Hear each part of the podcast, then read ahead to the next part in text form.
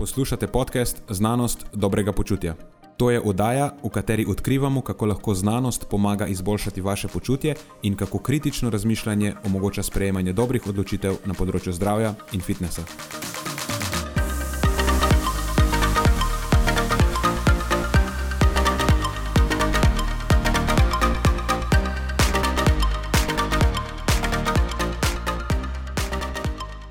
Pozdravljeni, z vami sva Nenad in moj sovoditelj Matjaš. Uvod v tokratno epizodo je nekoliko politično obarvan. Recimo, da je pod vtisom aktualnih dogodkov, domačih in tujih. Ampak vseeno se mi zdi, da je dovolj kratek, da se z njim nisva uspela nikomor zameriti, vsaj ne pretirano. Glavni temi epizode pa sta najprej povezava srčnožilnih oziroma možgansko-žilnih dejavnikov tveganja s kognitivnimi sposobnostmi, oziroma bolj specifično z eno domeno kognitivnih sposobnosti, ki jo imenujemo izvršilna funkcija, potem pa odgovoriva na vprašanje, ali je kurkumin učinkovito prehransko dopolnilo za izboljšanje regeneracije pri športnikih. Preden začnemo, pa se moram zahvaliti še našim sponzorjem. Zaenkrat to še vedno ni velika korporacija, temveč zvesti poslušalci, ki nam izkazujete zaupanje in podporo s prijavo v našo člansko skupino Znanost dobrega počutja. Hvala vsem, ki s tem držite luči prižgane in omogočate podkastu, da raste ter postaja še bolj kakovosten. Hvala tudi vsem ostalim, ki nas podpirate z visokimi ocenami in pozitivnimi komentarji, ter tako, da priporočate podcast svojim znancem in prijateljem. Zdaj pa je končno čas za začetek epizode. Uživajte ob poslušanju.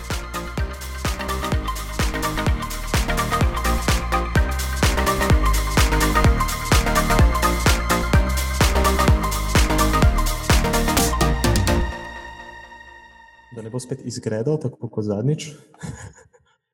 Ti si bil neki v življenjski nevarnosti včeraj, a sem prav slišal? Pa nisem bil v življenjski nevarnosti.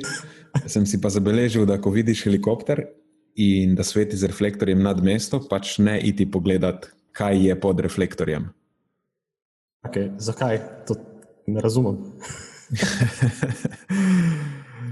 No, gled, glavno, da si ti uh, v redu in živ, in da si nisi dobil nobenega uh, vodnega curka vase, in to je to. Ja, nisem, nisem niti videl tistega, kako se temu reče, sploh kamiona, tanka, kakorkoli. Mi je bilo zelo hitro jasno, že tam kaj je tisto, kaj je preširnova, mimo pravoslavne cerkve. Uh -huh. Uh, pač, ko sem prišel pod reflektorjem helikopterja, mi je bilo jasno, koliko je ura, in sem samo na naslednji ulici zavil na levo. Dobro pravilo je, da če se počutiš kot v akcijskem filmu, potem beži stran v drugo smer. Ja, ali pa vsaj gibaj se po robu. Ja, več se porobo. In sem potem, šele, ko sem prišel domov, sem ugotovil, kaj je dejansko, kaj je dejansko se dogajalo. Uh -huh. -huh. Torej, za vse, ki ne veste, ki živite pod kamnom oziroma v jami, v Ljubljani smo imeli v narekovaju nasilne proteste. Oziroma, vse so bili nasilni, ni bilo v narekovaju. Bile so neke osebe poškodovane, tako da mislim, ja. da se to smatra kot nasilen protest. Ja, ja. Dobil sem vabilo na ta protest, sem potem ja, ugotovil naknadno. ja, to so bile neke, kako se lahko diplomatsko izraziva, skrajne skupine, ki so ga organizirale, se mi zdi. Tako da, tudi če bi dobil vabilo na ta protest, se ga ne bi udeležil. Ja, točno to. Točno to. Ok, lej, da ne bom preveč. Uh, in imel bi prav, v bistvu. Ne, da je kar še malo. in, in, in imel bi prav. Pametno bi se bilo ne udeležiti tega protesta. Seveda, da ne bi smel eh, dirati v osje gnezda. ja, zdaj me že prepariraš dve epizodi zapored z temi političnimi temami, zdaj v, v tretji sem pač pobral to. In... A obdelamo še ameriške volitve. Klik se hotel sem povedati, da so bile prejšnji teden ameriške volitve. Da, mislim, tudi to je bilo, tam je situacija res čudna. No. Težko se spohod odločiš, ker je še dobro, da nisem američan, res. Uh mhm. -huh. Ne vem. Eden, eden slabši od drugega. Nekako po teh zadnjih. Um, Zdaj, ko že cel teden imam možnost o tem razmišljati, pa malo spremljam, kaj se dogaja, mislim, da se bolj nagibam v modro stran, no? ki stričko Džovijo. Mhm. Mm, kljub temu, da je kupenih stvari, ki uh, pri katerih se ne bi strinjal z, ja, z, njihov, z njegovo pozicijo.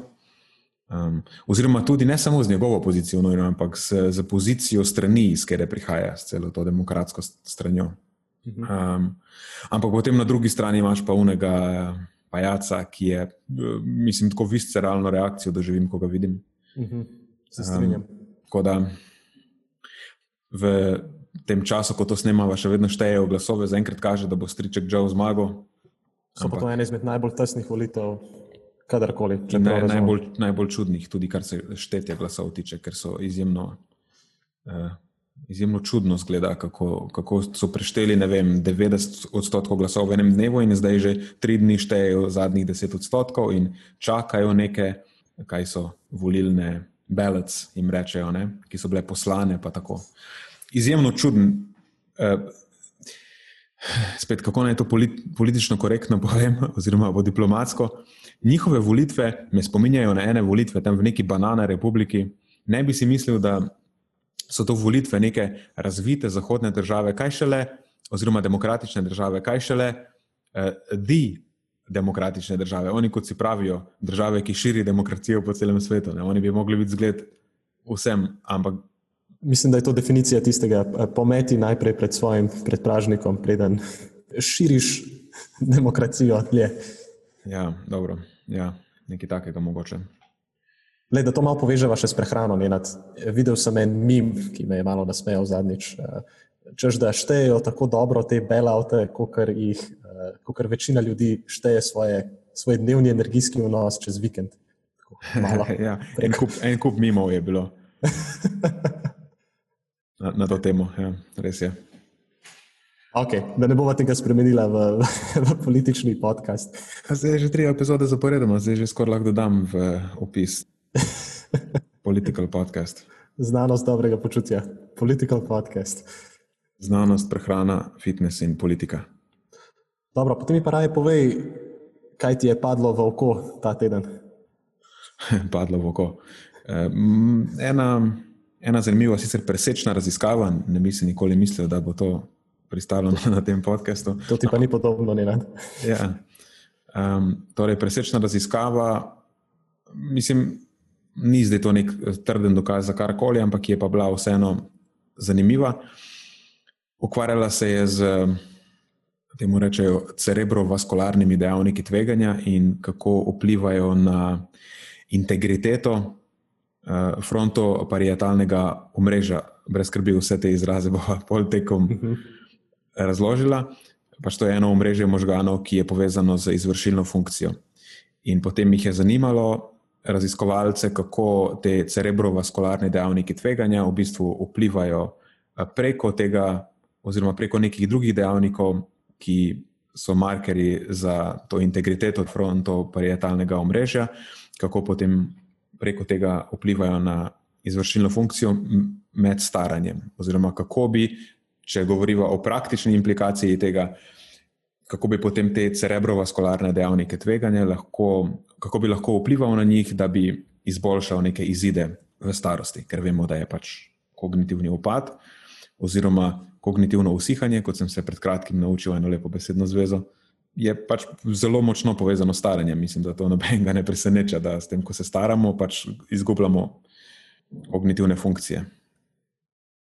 Tako da, čist samo če naslov, ali lahko kar začnem jaz, jaz sem se kar nisem sploh. Ker Hvala Bogu. Ker spustil sem se na to. Ne, ne, ne, zdaj naredila bomo vod v tvojo temo, pa bom pa kar jaz začel, pa pa se vrnemo nazaj.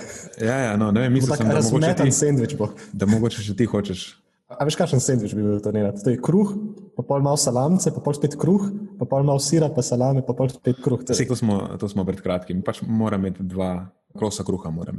Seveda, ampak zdaj bi vtaknil na še enega, kar vmes, tako za brezvezaj. Okay, okay. Noč v tej. Kar nadaljuj, prosim. Ja, mislim, da nimava, nimava toliko časa, da se lahko s takimi brezveznostmi šaliva.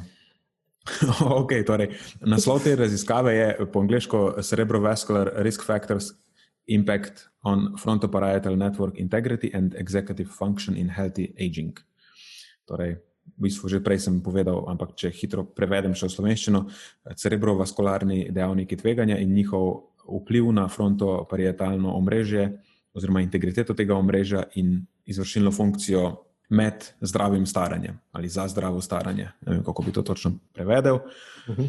So pa Velcman in sodelavci, oziroma Velcmanova in sodelavci 2020, čisto pač sveža, svež članek v Nature Communications. Tako da spet en precej ugleden članek. Ugleden, ugledna revija, pardon. Ugledna revija, tako je. Kaj je ključno vedeti, oziroma kaj so neka izhodišča, preden se začnemo ukvarjati konkretno s člankom, je to, da vemo, da obstajajo ti neki spremenljivi dejavniki tveganja, ki bi lahko ščitili ali izboljšali kognicijo med staranjem. Spremenljivi so tisti, na kere lahko eh, vplivamo sami, če predvidevamo, da imamo svobodno voljo. Eh, zdaj, eh, kakšni in kako natančno, kakšni so ti dejavniki in kako natančno na njih vplivamo, je potem že neka druga debata, ampak vemo, da pač ti dejavniki obstajajo in vplivajo na te stvari. Mogoče, eh, kaj sploh cerebrovaskularno pomeni, če ni, če kdo ni slišal še za ta izraz, je v bistvu neka tujka za možgansko žilno je to.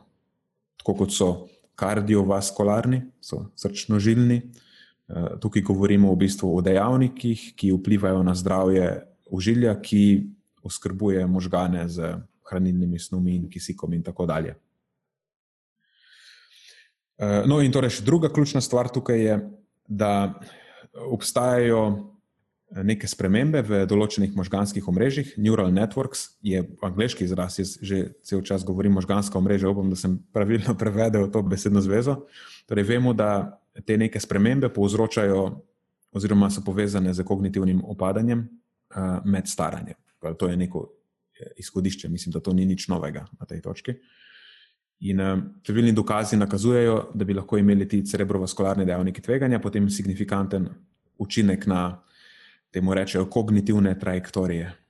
Zdaj, kako to v slovenščino prevesti, točno ne vem, lahko pa razložim, kako to zgleda. Pač, ko se ti kognitivno zdravje poslabša v eno smer, lahko se ti poslabša bolj ali pa poslabša manj. Zdaj, če se ti poslabša bolj, je ta eh, trajektorija bolj strma, rečemo temu. Če se ti manj, potem je pač bolj položna, pada počasneje. In uh, ti imamo dejavnike tveganja, so, na, na kere lahko mi vplivamo, recimo prehrana, fizična aktivnost, kajenje, take stvari, in potem jih nekako lahko spremljamo, enkrat, ko se pojavijo izidi, recimo, da nekdo že doživi neko obliko kognitivnega upada, ampak to je že precej pozno. Še predtem pa lahko jih spremljamo z tako imenovanimi neuroslikovnimi, spet upam, da sem to pravilno prevedel, to so ti neuroimaging markerji, torej razne slikovne preiskave uh, možganov. In potem, če se opazijo neke spremembe, ki kasneje tudi korelirajo z slabšimi izidi, eh, konkretno na področju kognicije, potem imamo neko točko vmes, na podlagi kjer lahko sklepamo, že prej, preden pride do, do nekih hujših, hujših sprememb. Predvsej dokazov nakazuje, da so ti cerebrovaskularni dejavniki tveganja potem pomembna tarča pri zaščiti zdravja možganov in seveda potem posledično tudi zmanjšanju tveganja za razvoj Eh, demence. Na, pozla, na podlagi tega, kar je bilo zdaj do te točke povedano, že mislim, da sem trikrat se ponovil, eh, lahko, o tem, lahko o tem sklepamo in lahko o tem sklepamo kljub eh, precejšnjim omejitvam, ki jih imamo na, področju, eh, na tem področju v literaturi. Ker v tej stvari je precej težko raziskovati. No? Metode, s katerimi se to raziskuje, so zelo nesenzitivne, recimo kako sploh.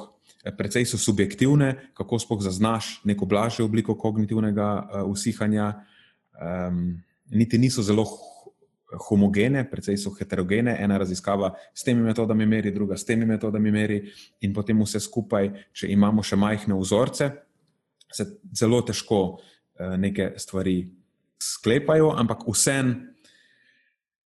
Vseeno je to področje, ki je zdaj že na tej točki staro nekaj desetletij in imamo neke vsaj minimalne dokaze, na podlagi katerih potem vsaj hipoteze se lahko eh, postavijo in na, na eni takih hipotez tudi ta naša eh, raziskava v bistvu uh, temelji.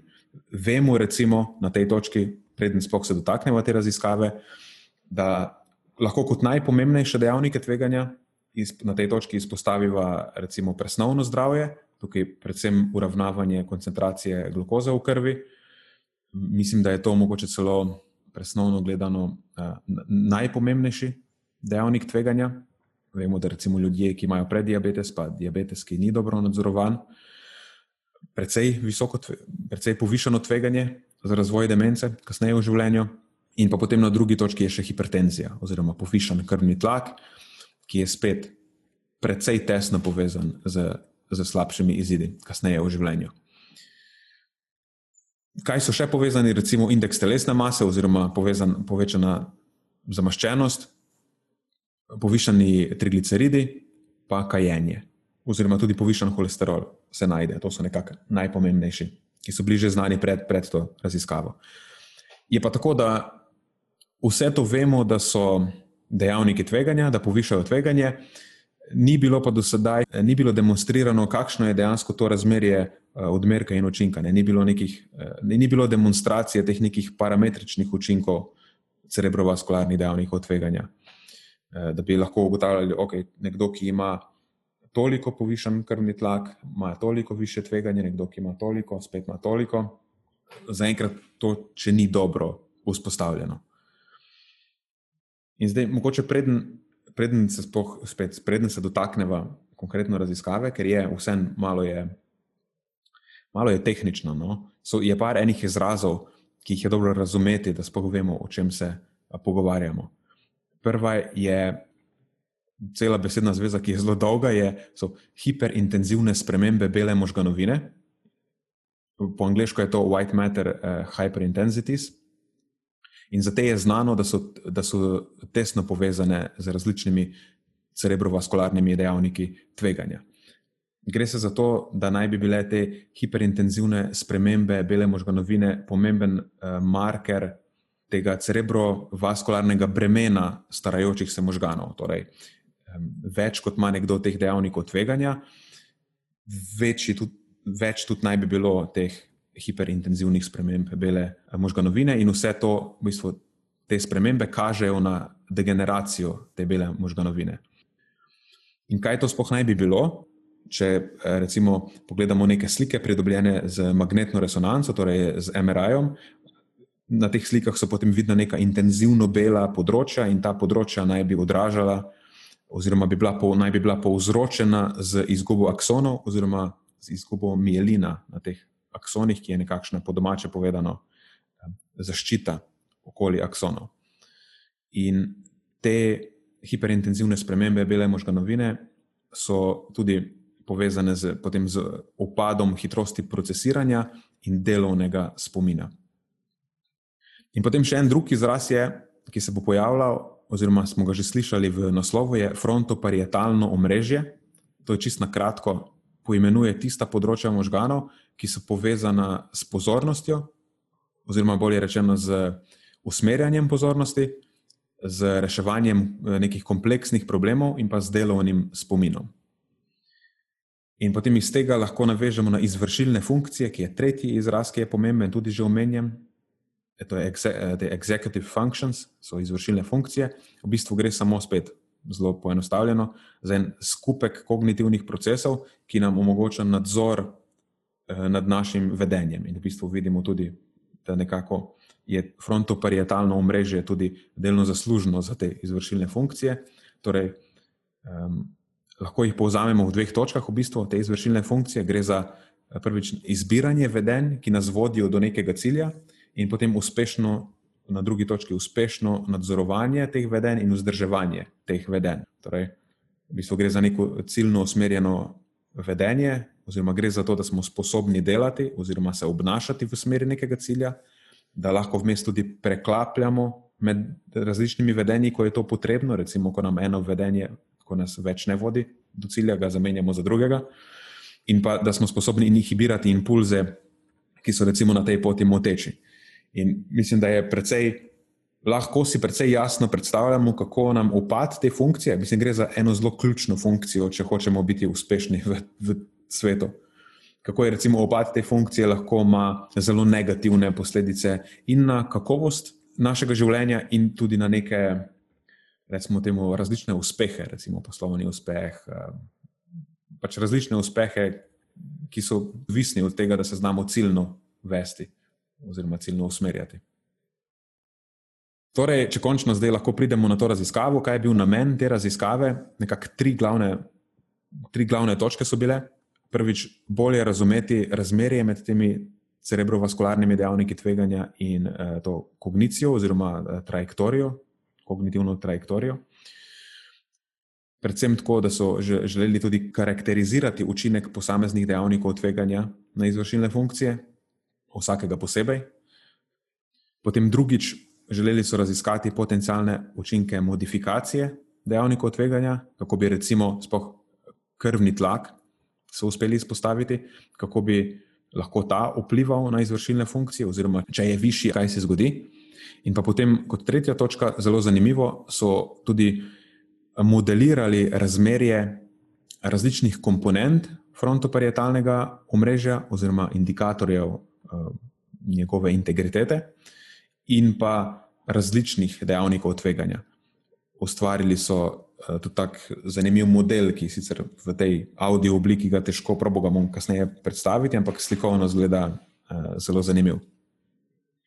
Je pa to morda nekaj, kar bodo dobili naši uh, ekskluzivni člani? Bom prilepil ta model in prilepil bom še en, dva zanimiva grafa, sta, ki se ukvarjata z, z krvnim tlakom. Super, ja, dobra ideja. Torej, prej sem že omenil, da je šlo za presečno raziskavo. En razlog, zakaj se mi je zdela zanimiva, je zato, ker so uporabili podatke iz tega UK Biobank. UK Biobank je ena velika, če lahko temu rečemo, kohortna raziskava, ampak gre za biobanko, kot pravi ime, oziroma biorepozitorij eh, velike količine vzorcev in podatkov nekih ljudi, ki so vključevani v to študijo. Mislim, to gre res za ogromno količino enih podatkov ki so potem na voljo različnim raziskovalcem, da pač uh, jih obdelajo te podatke in tako kot v tem primeru dobijo neke rezultate, kar pa lahko kasneje še naredijo, ker ti ljudje so zdaj vključeni v to biobanko in so tudi spremljani čez daljše obdobje časa, in kasneje, recimo, ko se ti podatki osvežijo, lahko izvedejo tudi neko, recimo, longitudinalno.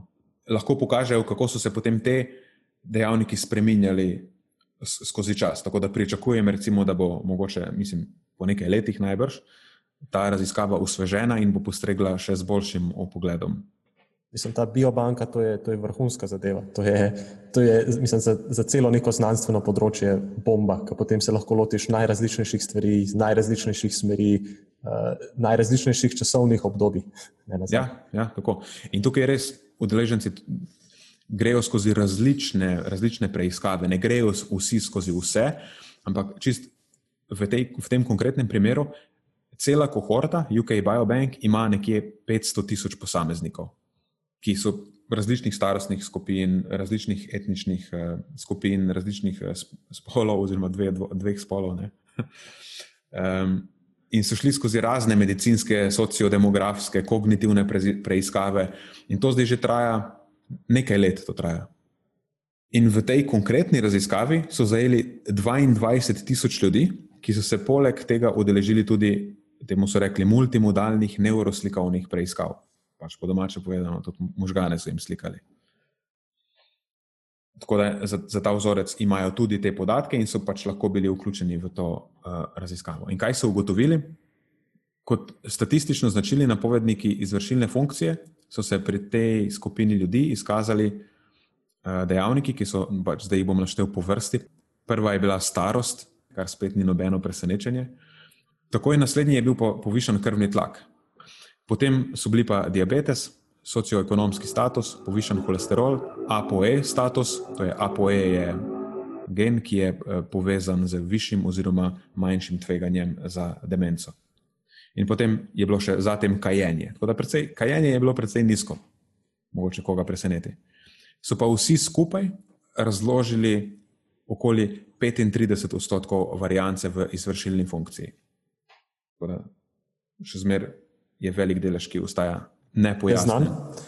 To je ja, zanimivo. V, tej, v tem konkretnem vzorcu pač ostaja nepojasnjen. Niso imeli mogoče zadosti drugih podatkov, da bi lahko izluščili še ostale dejavnike tveganja, ki prispevajo. Tudi ne znam točno, mislim, nisem se toliko poglobil, da bi zdaj se ukvarjal s to številko 35 odstotkov. No, in potem v naslednjem delu članka izpostavijo to razmerje med krvnim tlakom in izvršilno funkcijo kot najpomembnejše, in se tudi ukvarjajo predvsem uh, s tem. Pokazali so, oziroma pokazalo se je, da je nekako začelo. Da so začele izvršilne funkcije postopno upadati z višanjem sistoličnega krvnega tlaka. In to tako pri ljudeh, ki niso jemali, niso jemali antihipertenzivov, torej zdravil za uh, zniževanje krvnega tlaka, kot tudi pri tistih, ki so. Za tisti, ki so te zdravila jemali, za njih je to indikator, da že imajo, da že imajo neke težave. Ne? Tako da za njih niti, potem ni bilo nepričakovano, da so kot skupina že imeli na splošno precej, precej nižjo izvršilno funkcijo. Da, če, če bi se recimo predstavljal, vse na grafu bo to vidno, ampak zdaj bom jaz proval to razložiti z besedami. Če imamo dve, dve krivulji, ki padata, ne, sta v bistvu upadata skoraj usporedno, ampak je ena precej višja. Torej, za ljudje, ki niso jemali zdravil, so že v startu precej višji, ampak padajo pa približno z, z, podobno, z podobno stopnjo. Je pa tako, da za tiste, ki jemljajo zdravilo, dejansko začne krivulja padati nad 140 mm živega srebra. Ampak ne vem, koliko je to dejansko v, v kakršno koli uteho, glede na to, da so bili že tako ali tako na, na precej nižji stopnji po izmerjeni izvršilni funkciji. Mogoče, da če jemliš zdravila in imaš krvni tlak nad 140, potem te lahko res ful skrbi. Mogoče samo toliko. Ne bi si oddahnil, če jemliš zdravila, pa ga imaš recimo 130. Vsem bi razmišljal, kako spraviti. Mislim, zdravila tako ali tako moraš imeti, ker če jih nehaš imeti, pa boš imel še bistveno višjega samo mogoče razmisliti, kako lahko življenjski slog se prilagodi tako, da potem s časom lahko v sodelovanju seveda, s svojim zdravnikom, ki ti je te stvari predpisal, um, zmanjšaš. In spet, to smo na začetku pozabili povedati, mi dva nismo zdravnika, karkoli se odločate, se posvetujte s svojim zdravnikom prej. Torej, to je, kar se tiče tega krvnega tlaka. Mogoče, aha, mogoče še ena stvar, ki jo je tudi zanimivo izpostaviti, je ta, da ko so jih ko so razdelili jih po, skupi, po starostnih skupinah, razdelili so jih v skupino srednjih let, to je midlife, do 69 let, oziroma od 44 do 69, in pa v late life, torej v skupino starejših posameznikov. To je bila pa ta nad, torej nad 70 let. Ne? Da je bil krvni tlak, torej sistolični krvni tlak v tem primeru, povezan z upadanjem izvršilne funkcije samo pri srednjih letih, kar je, pa ne vem, če je ne navadno. Pove nam pa to, da če nekdo ima, v, recimo, ko je mlajši, povišan krvni tlak, da nekako to glih najbrž mu ne more služiti kot izgovor. Sej sem še mlad, variant, da bom poskrbel za en kasneje, ko bom starejši. Ker vidimo tukaj, recimo, da je tudi na tem eh, presečnem vzorcu, tudi pri relativno mladih ljudeh, ta krvni tlak precej dobro, oziroma pač celo boljše eh, koreliral z opadom v izvršilni funkciji kot pri starejši skupini. In spet je bil podoben eh, ta trend, oziroma podoben pri ljudeh, ki so jemali zdravila, se je začela krivulja precej nižje. Torej, visok krvni tlak načeloma ni ugodna stvar za izvršilno, izvršilno funkcijo, še posebej ne v nekih srednjih letih. Tako. Kaj pa, je, kaj pa je vzrok visokega krvnega tlaka? Morda bi to zanimalo poslušalca. Če izuzameva neko genetsko komponento, morda lahko eh, poudarjava neko odvečno zamaščenost uh mhm. eh, -huh. kot enega izmed vzrokov, eh, ja. Da vejo, čemu se izogibati. Ali -huh. je bila še kakšna taka prehranska komponenta? Ja, mislim, da obstaja en kup komponent življenjskega sloga, ki so mogoče še celo, pa ne vem, če so glih pomembnejše, ampak uh mhm. -huh. mislim, da se je bolj smiselno osredotočati na njih. Ker ja, nekdo, ki ima povišeno telesno maso, oziroma predvsem, ki ima povišeno zamaščenost, bo definitivno imel previsok krvni tlak. Ampak imamo pa tudi ljudi, ki so zelo -huh. Um, in imajo iz nekega razloga povišen krvni tlak. Zdaj, genetska komponenta je ena stvar ne vem, sicer spet ne bi je vedel kvantificirati, kako zelo pomembna je, ampak uh, itak tega ne moreš spremeniti, mogoče nima smisla se preveč izgubljati časa na tej točki. Uh, je pa fizična aktivnost, fizično aktivnost bi izpostavil kot zelo pomembno in to recimo obe modaliteti, tako vzdržljivostno, ki ljudem ponavadi najprej pade na pamet, ko se pogovarjamo o krvnem tlaku. Druga je pa vadba z bremeni, ki mogoče se komu zdi, da o, to bo pa povišalo moj krvni tlak, ampak v bistvu ne, glih obratno, enako ima ugoden vpliv na krvni tlak. Kljub temu, da recimo se ustvarjajo neke um, sile znotraj telesa, ki povišajo krvni tlak akutno, um, ko dvigujemo bremena, ampak to povišanje res ni, je zanemarljivo že v primerjavi z, z kihanjem. Tako da, ko kihneš, je tvoj krvni tlak bistveno višji. Sicer za zelo kratek čas, ampak tudi ko delaš serijo z bremeni, je to precej kratek čas. In mislim, da si je bolj koristno predstavljati stvar kot takrat, ko dviguješ bremena, je to nek stres na, na užilje v bistvu in ga s tem stimuliraš, da se prilagodi na ta način, da je bolj fleksibilno, pač se zgodi se neka adaptivna uh, prilagoditev na ta kratkotrajno povišen krvni tlak, da potem imaš kronično, oziroma na daljše časovno obdobje, dejansko imaš bolj uravnan krvni tlak. Lahko.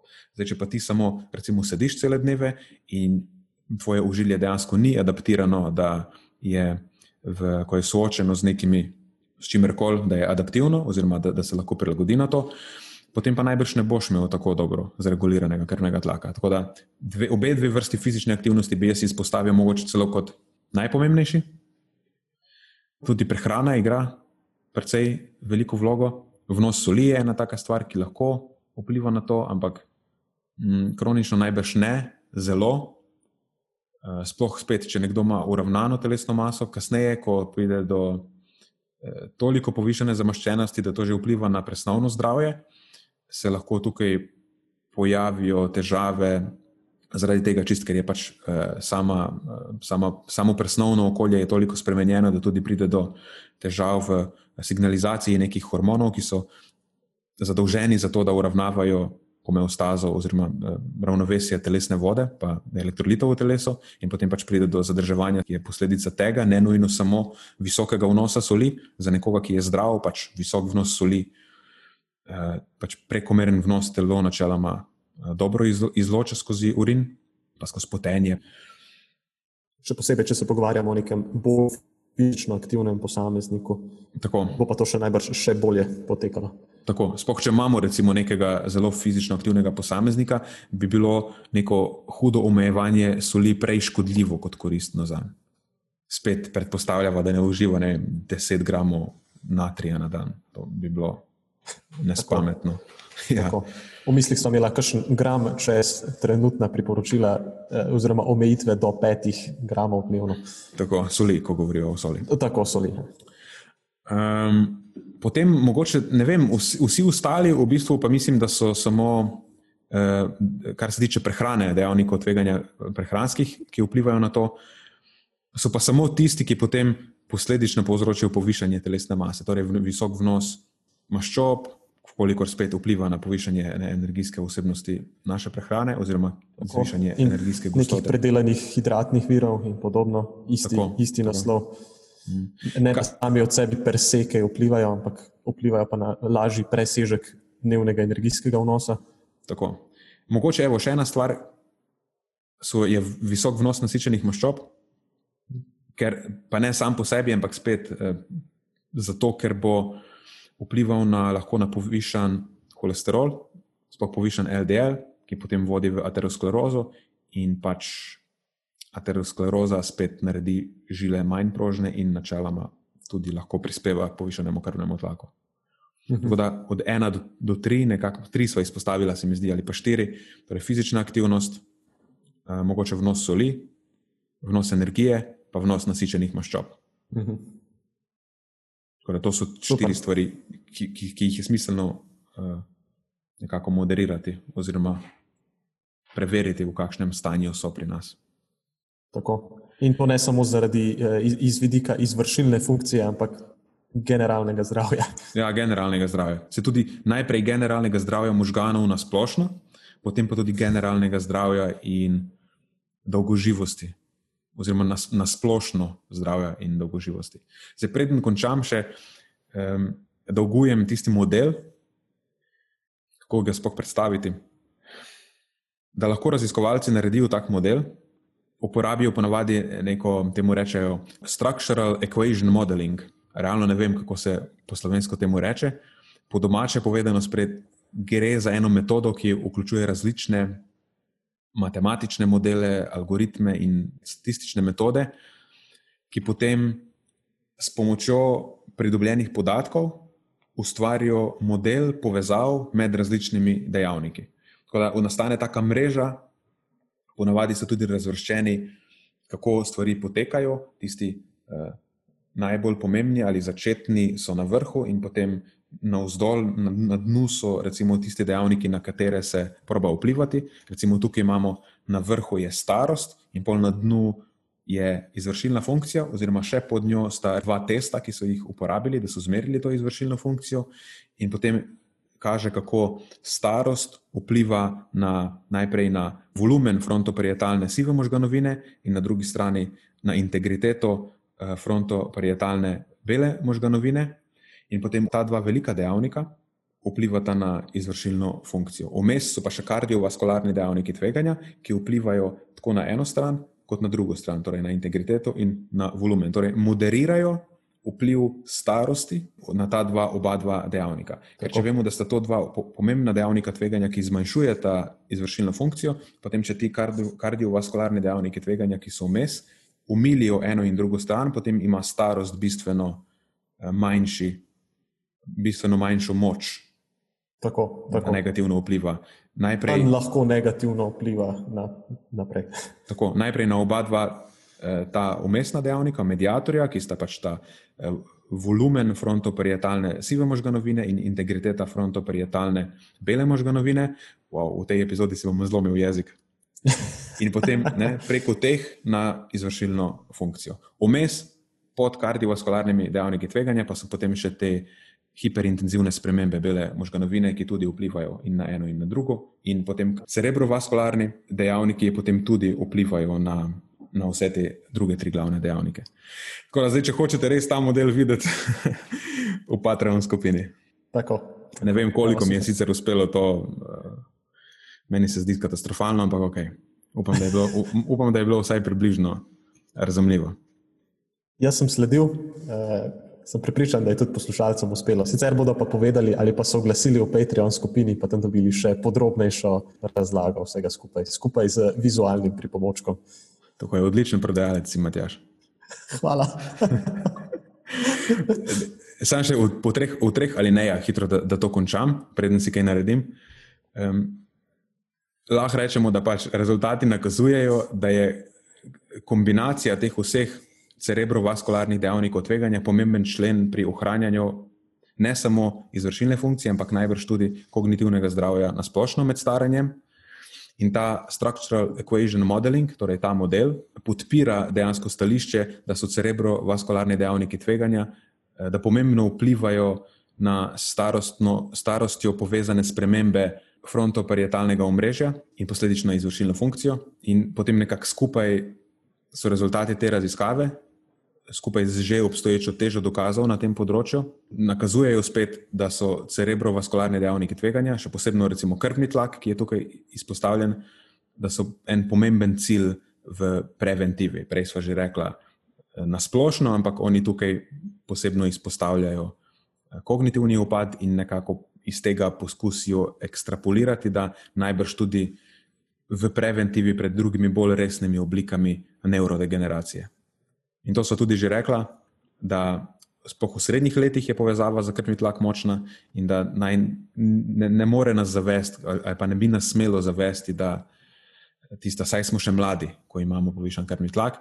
In mislim, da povsem enako velja tudi za vse ostale dejavnike tveganja.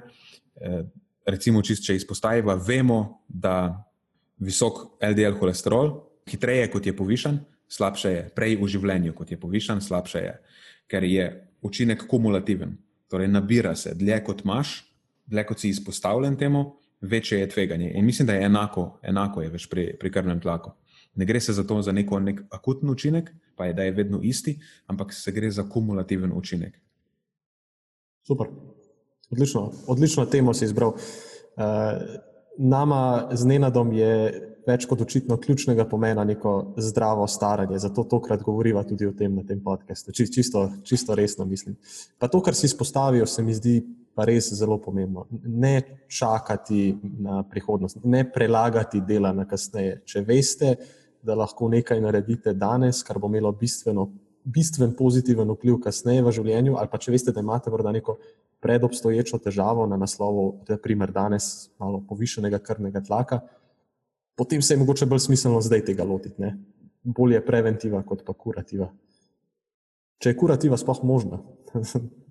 ja, konkretno, ko govorimo o teh stvarih, v bistvu zaenkrat ni možna. Evo, ne znamo povrniti oziroma nek kognitiven opad, ki je zelo minimalen, mogoče še lahko se ga nekako zaustavi. Ne moreš pa, recimo, ko si enkrat že dementen, si je, mhm. ko Konec. si zaključil. Si, ja. Konec, ja. Super. Mislim, ne super za to, ampak odlična tema, to sem samo želel povedati. Uh, no, jaz sem imel pa morda, uh, oziroma vse veste, kako je, mešano na žaro. Uh, danes smo eno drugo popolnoma drugo temo, kot se je Nenad predstavil in sicer uh, gre se za kurkumin. Kurkumin kot prehransko dopolnilo za regeneracijo. Uh, torej, ja, govore o tisti kurkumi, uh, tisti kuhinjski začimbi, ki jo imate morda ta trenutek celo doma. Uh, ta, oziroma bolje rečeno, kurkumin spada v kategorijo prehranskih dopolnil, ki bi potencialno lahko bila koristna iz vidika izboljšanja zmogljivosti oziroma regeneracije, bolje rečeno, Um, pa je pred kratkim prišel en uh, sistematični pregled literature na to temo in se mi je zdelo smiselno, da ga obdelamo na tem podkastu. Uh, torej, poglejmo si, zakaj bi pravzaprav kurkumin sploh lahko bil koristen za nekega športnika ali pa za neko fizično aktivno populacijo. Telesna aktivnost, uh, še posebej tista, ki ima poudarjeno ekscentrično komponento giba, povzroča poškodbo mišičnih vlaken. Kaj mislim, ko rečem ekscentrično komponento giba? Ne na dan smo v nekih zanimivih izrazov. Slovarček je danes. Slovar moramo dati na koncu tega podcasta, poleg klasičnih timestampov. Imam en predlog. Kar zdaj naprej bo v skupini za Patreone, bodo vsi relevantni grafi in pa slovarček vseh teh besed. Super, všeč mi je. Pa mogoče nekega dne, ko bomo imeli malo več časa, če nam to uspe, lahko še bluparje tja notri dodava, ker jih kar veliko nanese ne, na epizodo. Ja, nisem izbiral do zdaj. Evo, mogoče ideja za naslednjič. Kakorkoli že, ekscentrična komponenta giba, kaj za vraga je to. Uh, predstavljajte si, to je takrat, ko se mišica uh, v bistvu razteza pod napetostjo. Recimo, uh, ko hodimo ali pa tečemo uh, po hribu navzdol ali pa ko spuščate drog počasi navzdol proti telesu, v primeru sklece ali pa pardon, v primeru bench press, ali pa če se počasi spuščate dol v skleci proti prstnemu košu. Skratka, vadba na splošno, ampak še posebej ta vadba s podarjeno ekscentrično komponento giba, ima vpliv na poškodbo mišičnih vlaken.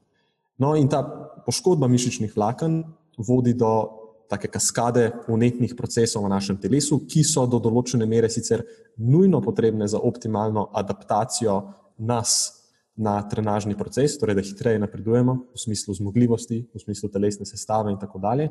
Ampak od določene točke dalje, če so ti procesi preveč poudarjeni, pa lahko tudi negativno vplivajo na proces regeneracije. Ne? Do te mere, da recimo zmanjšajo obseg giba neke mišice, da povečajo lokalizirano zatekanje mišic, muskel fiber je zelo, zelo izrazit.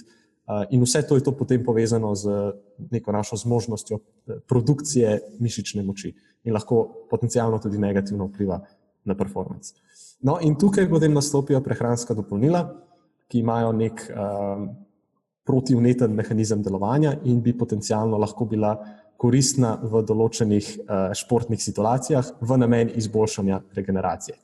Recimo eno tako eh, podmerekovaj klasično dopolnilo iz tega sveta je omega-3 ali pa koncentrat češnjevega soka in pa dopolnilo, o katerem danes govorimo, to je kurkumin. Uh, kurkumin je namreč uh, en tak, taka naravna antioksidativna spojina, ki spada v kategorijo uh, polifenolov. O tem je Nenad zadnjič malo podrobneje govoril na temo kave. No, in konkretno ta kurkumin, seveda, najdemo kje? V kurkumi. Ne? V kurkumi kurkumin daje tisti tradicionalen uh, okr, oranžkasto barvo in tam predstavlja nekje 2 do 5 odstotkov celokupne teže same kurkume. In ta kurkumin izkazuje neke antioksidativne in pa protivnetne lastnosti, um, primarno preko modulacije določenih uh, protivnetnih citokinov, in preko tega mehanizma bi posredno lahko pozitivno vplival na regeneracijo športa. No, ampak ugotoviti, kako učinkovit pa dejansko je kurkumin, pa je bila misija tega sistematičnega pregleda literature, ki vam ga bom danes predstavil, katerega so pred kratkim objavili raziskovalci Fernandez, Lazaro in sodelavci. Torej, gre se za sistematični pregled literature, kjer so raziskovalci vključili vse neke relevantne raziskave, narejene predvsem oziroma izključno na ljudeh, ne na živalih, to je načeloma dober znak na ljudeh, ki so bili uh, sicer fizično aktivni, in pa tudi raziskave so morale vključevati neko kontrolo, bodi si torej v obliki placebo kontrolo, in pa morale so biti tako ali drugače uh, randomizirane. Torej, da bodi si udeleženci niso vedeli, kaj prejemajo, ali je to placebo ali je to dejansko kurkumin, in ali tudi raziskovalci niso tega vedeli. Ne, tako se nekako poveča validnost same raziskave. Skratka, precej visoke standarde so izbrali za ta pregled literature, in na koncu so od 300 potencijalnih raziskav, je zgolj 11 študij ustrezalo tem kriterijem. No, na podlagi teh 11 raziskav tudi danes delamo neka praktična priporočila, torej pozor pri interpretaciji na tako malem vzorcu. Uh, več kot očitno potrebujemo še več raziskav narejenih na tem področju. Vzemite mogoče tole zrnom soli, kar vam danes predstavljam. Ključne ugotovitve raziskave so bile pa sledeče. Torej, prvo kot prvo, Kurkumin očitno zna biti učinkovito prehransko dopolnilo pri sicer eh, telesno aktivni populaciji, predvsem za zmanjšanje negativnih posledic visoko intenzivne vadbe na naslovu mišične poškodbe. In vedno več raziskav imamo, ki nakazujejo ravno to. Ampak, velik ampak, rezultati tukaj niso bistveni, oziroma učinek ni tako močan in je v najboljšem primeru primerljiv z nekim protivnetnim ali pa protibolečinskim zdravilom, ne, v to varianto. Da, ne predstavljajte si, da ta kurkumin deluje, boh ve kaj. Um, Imam predlog za nas slogan, za namajico, še eden. ja, povej. Statistično značilno, ampak praktično nerelevantno. Všeč mi je, všeč mi je. Pa še neka imamo... tvoja slika bo v zadju. ne najna slika, pa ne bo moja. Logo, logo bo znanost dobrega počutja. Rabiš, ni, moja, moja, moj fris ni nobena dodana vrednost. ne se tej podcenjevati. okay, torej, učinek obstaja, vendar ni tako zelo močan. Uh, in ta učinek se tudi razlikuje glede na tip same telesne aktivnosti in seveda intenzivnosti telesne aktivnosti. Višja kot je intenzivnost in bolj kot je poudarjena ta ekscentrična komponenta giba tekom telesne aktivnosti boljši vpliv. Ne. In v teh primerih zaznamo torej daleč največjo razliko v pacu kreatinkinaze, to je ta marker mišične poškodbe, kakor tudi regeneracije, neke subjektivne kot take. Kar se tiče samega protokola jemanja, je zelo pomembno, da kurkumin začnemo jemati že pred samo vadbeno enoto in potem nadaljujemo z jemanjem kurkumina vsaj par dni zapored po končani telesni aktivnosti, če želimo videti najboljše rezultate. Čeprav pa bi omenil, da nekatere izmed teh raziskav, ki so bile vključene v sistematični pregled, so zaznale učinek že pri enkratni dozi eh, kurkumina, vzetega takoj po končani telesni aktivnosti. Mislim pa, da je vsem daleč najboljši učinek, če se zadeva začne imati prej, pa potem nadaljuje še par dni po. Naslednja točka, zelo pomembna točka. Kurkumin bi zaradi svojega antioksidativnega delovanja lahko sicer imel pozitiven vpliv na regeneracijo, ampak sočasno tudi negativen vpliv na adaptacijo športnika na trenažni proces, kakor tudi hitrost njegovega napredka iz vidika neke telesne sestave. To sem prej na hitro omenil. Zakaj? Zato, ker lahko taka dopolnila zavrejo te unetne procese, o katerih sem prej govoril, do te mere, da pač niso več tako koristna, kot bi sicer lahko bila. Torej, pozor na timing vnosa takih prehranskih dopolnil. Ni ga nekako smiselno imati kar tako čez celo leto, za vsak slučaj, za malo boljšo regeneracijo, ker na ta račun lahko dejansko tvegamo hitrost svojega napredka. Najbolj smiselno bi bilo to prišparati za kakšne vem, pomembnejše tekme, turnirje in podobne stvari, takrat, ko nam je regeneracija daleč najbolj pomembna. Uh, naslednja zelo pomembna točka. Učinek kurkumina bo bistveno večji, če ga parimo skupaj z ekstraktom črnega popra, imenovan piperin, ki močno poveča absorpcijo kurkumina. To se mi zdi zelo pomembno pri jemanju samega kurkumina. Uh, in pa še nekaj, aha, morda zanimivo vprašanje. Torej, a zdaj res potrebujemo prehransko dopolnilo ali lahko dobimo kurkumin iz prehrane kot take? Uh, kurkum, kurkuma ne, kot začimba ni zadosten vir kurkumina. Najprej sem omenil, da predstavlja v najboljšem primeru nekaj 5 odstotkov suhe teže tega kur, kurkume. In če bi želeli dobiti dovolj kurkumina iz kurkume, zdaj se že meni jezik zapleta, potem bi imeli težave na naslovu same prebave, ker bi mogli pojesti tako veliko kurkume. Tako da v tem kontekstu prehranska dopolnila najbrž predstavljajo bistveno bolj priročen vir kurkumina. Um, tako, to je pa pravzaprav to, kar se tiče kurkumina. Torej, uh, lahko ga kategoriziramo v to skupino prehranskih dopolnil, ki imajo nek indirekten pozitiven vpliv na zmogljivost, primarno preko izboljšanja regeneracije. Ni ga smiselno vključevati kar tako in zagotovo ne skozi celotno sezono. Morda ga je smiselno vključiti pri nekaterih pomembnejših tekmah, ko imamo več nekih tekem zapored, pa želimo pozitivno vplivati na regeneracijo in vam, nam v tistem kratkem časovnem obdobju enostavno adaptacija pač ni ključnega pomena. Uh, ne pa pričakovati nekih neverjetnih rezultatov na tem naslovu, to so vendarle uh, prehranska dopolnila, o katerih se pogovarjamo, in ne anaboliki. Ampak v redu, če se pogovarjamo o nekem vrhunskem športniku, morda vsak tak procent lahko naredi neko razliko v končni fazi. Torej, aj boš imel zdaj potem kurkumin ali ne boš? Jaz zagotovo ne. Zakaj? Ker nisem vrhunski športnik, zato ker moje vadbene enote zagotovo niso tako intenzivne, da bi lahko eh, toliko neke mišične poškodbe naredil. Če čutim malo muskel fibra, ni konec sveta. Mm. Ni mi regeneracija tako pomembna. Mislim, dejansko je to potencialno uporabno samo za ljudi, ki tekmujejo. Točno to, točno to. Za vse ostale ni. Sploh pa ne za nekoga. Spomnim se zdaj na vse tiste v narekovajih zdrave bodybuilderje, ki jemljajo kurkumin skozi celo leto, potem pa želijo pridobivati mišično maso. To pa je potem sploh mimo strategije. Ja, kontraproduktivno je. Ne? Lahko je. Ja. Bodiva korektna, kao. Ja, ja. lahko je proti eh, kontraproduktivno, ampak po vsej verjetnosti ne bo, v, naj, v najboljšem primeru ne bo imelo negativnega učinka, ne bo noben izgubil gainsov. Tako. Zaradi tega razen, razen denarnica bo skušala. Ja, denarnica gre pa lahko kar čez eno krepko fazo fujšanja v takih obdobjih. Sploh če je zelo intenziven minikat. Tako. Sploh če parimo to še s kakšnimi drugimi dopolnili, ki jih ne potrebujemo. Ne? Uh mhm. -huh. Pa lahko ta zadeva res nanese na kar uh, velik uh, finančni zalogaj na mesečni ravni. Ja, mi je pa zanimiva ta zadeva z piperinom. Piperin, kaj je piperina, se to prevede ja. tako. Ja. Se, upam, da sem pravilno prevedel. Zanima me, recimo, če kombiniraš, um, se ne poznam točno mehanizma, ampak se mi zdi, da pač ne, pride do, do neke neselektivne, zmanjša selektivnost absorpcije. Uh mhm. -huh. In me zanima, da če, če jemliš, ker ta selektivnost absorpcije ima, ima, ima svoj namen. Ja, res. Uh, pač, da ne dopušča vsega noter, ker je tudi mislim, da uh, kurkumin se dejansko v bistvu obnaša se kot malo, če karikiramo, kot toksin, ampak je pač v neki količini se telo na njega odzove adaptivno, če imam prav. Uh mhm. -huh. In ok, v redu, če imamo konkretno nek cilj v mislih, potem pač dodamo uh, piperin, da izboljšamo njegovo absorpcijo, ker drugače ga telo drži ven, spet po domače povedano.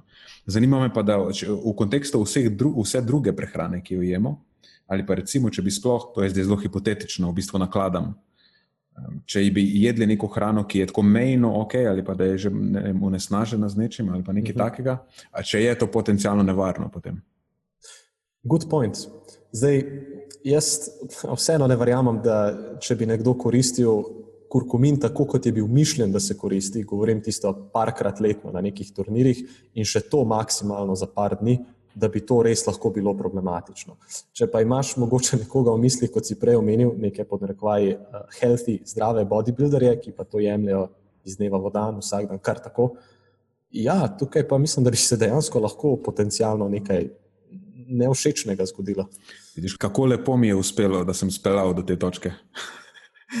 ja, govoril sem o tem, ne, govoril, ja, zanimalo me je, oziroma ne, hotel sem upozoriti samo na to, da če je nekaj akutno, oziroma ne vem, če je akutno glih prava beseda, če nekaj je namenjeno temu, da vzameš točno ciljno tarčno z enim namenom parkrat na leto, mogoče samo par dni zaporedoma in ne več, in se izkaže kot koristno, ne nujno, da bo potem enako koristno, tudi če ga uporabljaš za enak namen. Recimo, da hočeš biti skos na visokem nivoju, recimo skozi celo sezono jemliš korkomin, zato ker ti ni cilj adaptacija, ampak ti je cilj uh, ukrevanje. Zna biti, da potem bo to imelo negativne učinke na neke druge stvari. Oziroma, ja. je smiselno biti pazljiv. No? No, in kurkumin je samo en tak primer tega. Ne? Kaj pa en, še en bolj, uh, bolj pogost problem, recimo vitamin C. Ne? Ta bi bil en tak. Ja. Tega pa mislim, da res uh, v širši populaciji jemljemo, ne samo športniki, tudi tako. Ne? Kar tako za vsak slučaj v večjih količinah, ne samo parkrat letno z nekim akutnim, ponarekovaj, akutnim načrtom, ampak kar tako, ne skozi. Ja. Tako da vredno je biti tukaj pozoren. Ja. Odlično. Evo, še ena v knjigah, epizoda 32 v knjigah, to je prevod spet, američani rečejo in the books. Ne vem, če je to dober slovenski prevod za to, za, za to frazo. Super, odlično. Uh, meni se zdi, da smo ga v redu izpeljali, no, upam, da smo ga v redu izpeljali. Vsekakor ponovno zanimive teme na mizi. Upam, da se je tako zdelo tudi poslušalcem. Uh, ne nadhvaliti spet, da si serviral uh, te dobre, zanimive podatke poslušalcem pa, da, da so poslušali. Da, Ej, pa, tudi ja. tebi, hvala, Matjaš. Bilo je zanimivo to z korkominom, zdaj vem, da moram kar dozirati bolj pazljivo in da ne smem popradajati zraven. Ja, sem bolj pozoren na to. Ja. Ne, to je bila šala, da ne bo kdo mislil resno. Lahko dajete kar in lahko uporabljate popr. Naenkrat, oboje skupaj je tudi dovoljeno. Ne bo konec sveta, da se ja. ne bo zgodilo. Ne, se ne bo zgodilo. Super. Noč se ja, vidimo, ej. oziroma slišimo naslednjič. Tako je, se slišimo.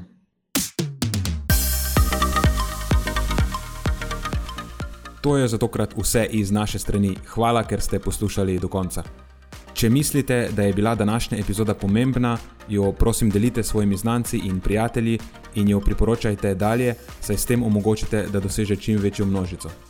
Hvala vsem, ki nas podpirate s članarino in tudi vsem ostalim, ki delite podcast dalje in nam izkazujete naklonjenost z visokimi ocenami in pozitivnimi komentarji. Se slišimo prihodnjič, do takrat pa ostanite premišljeni.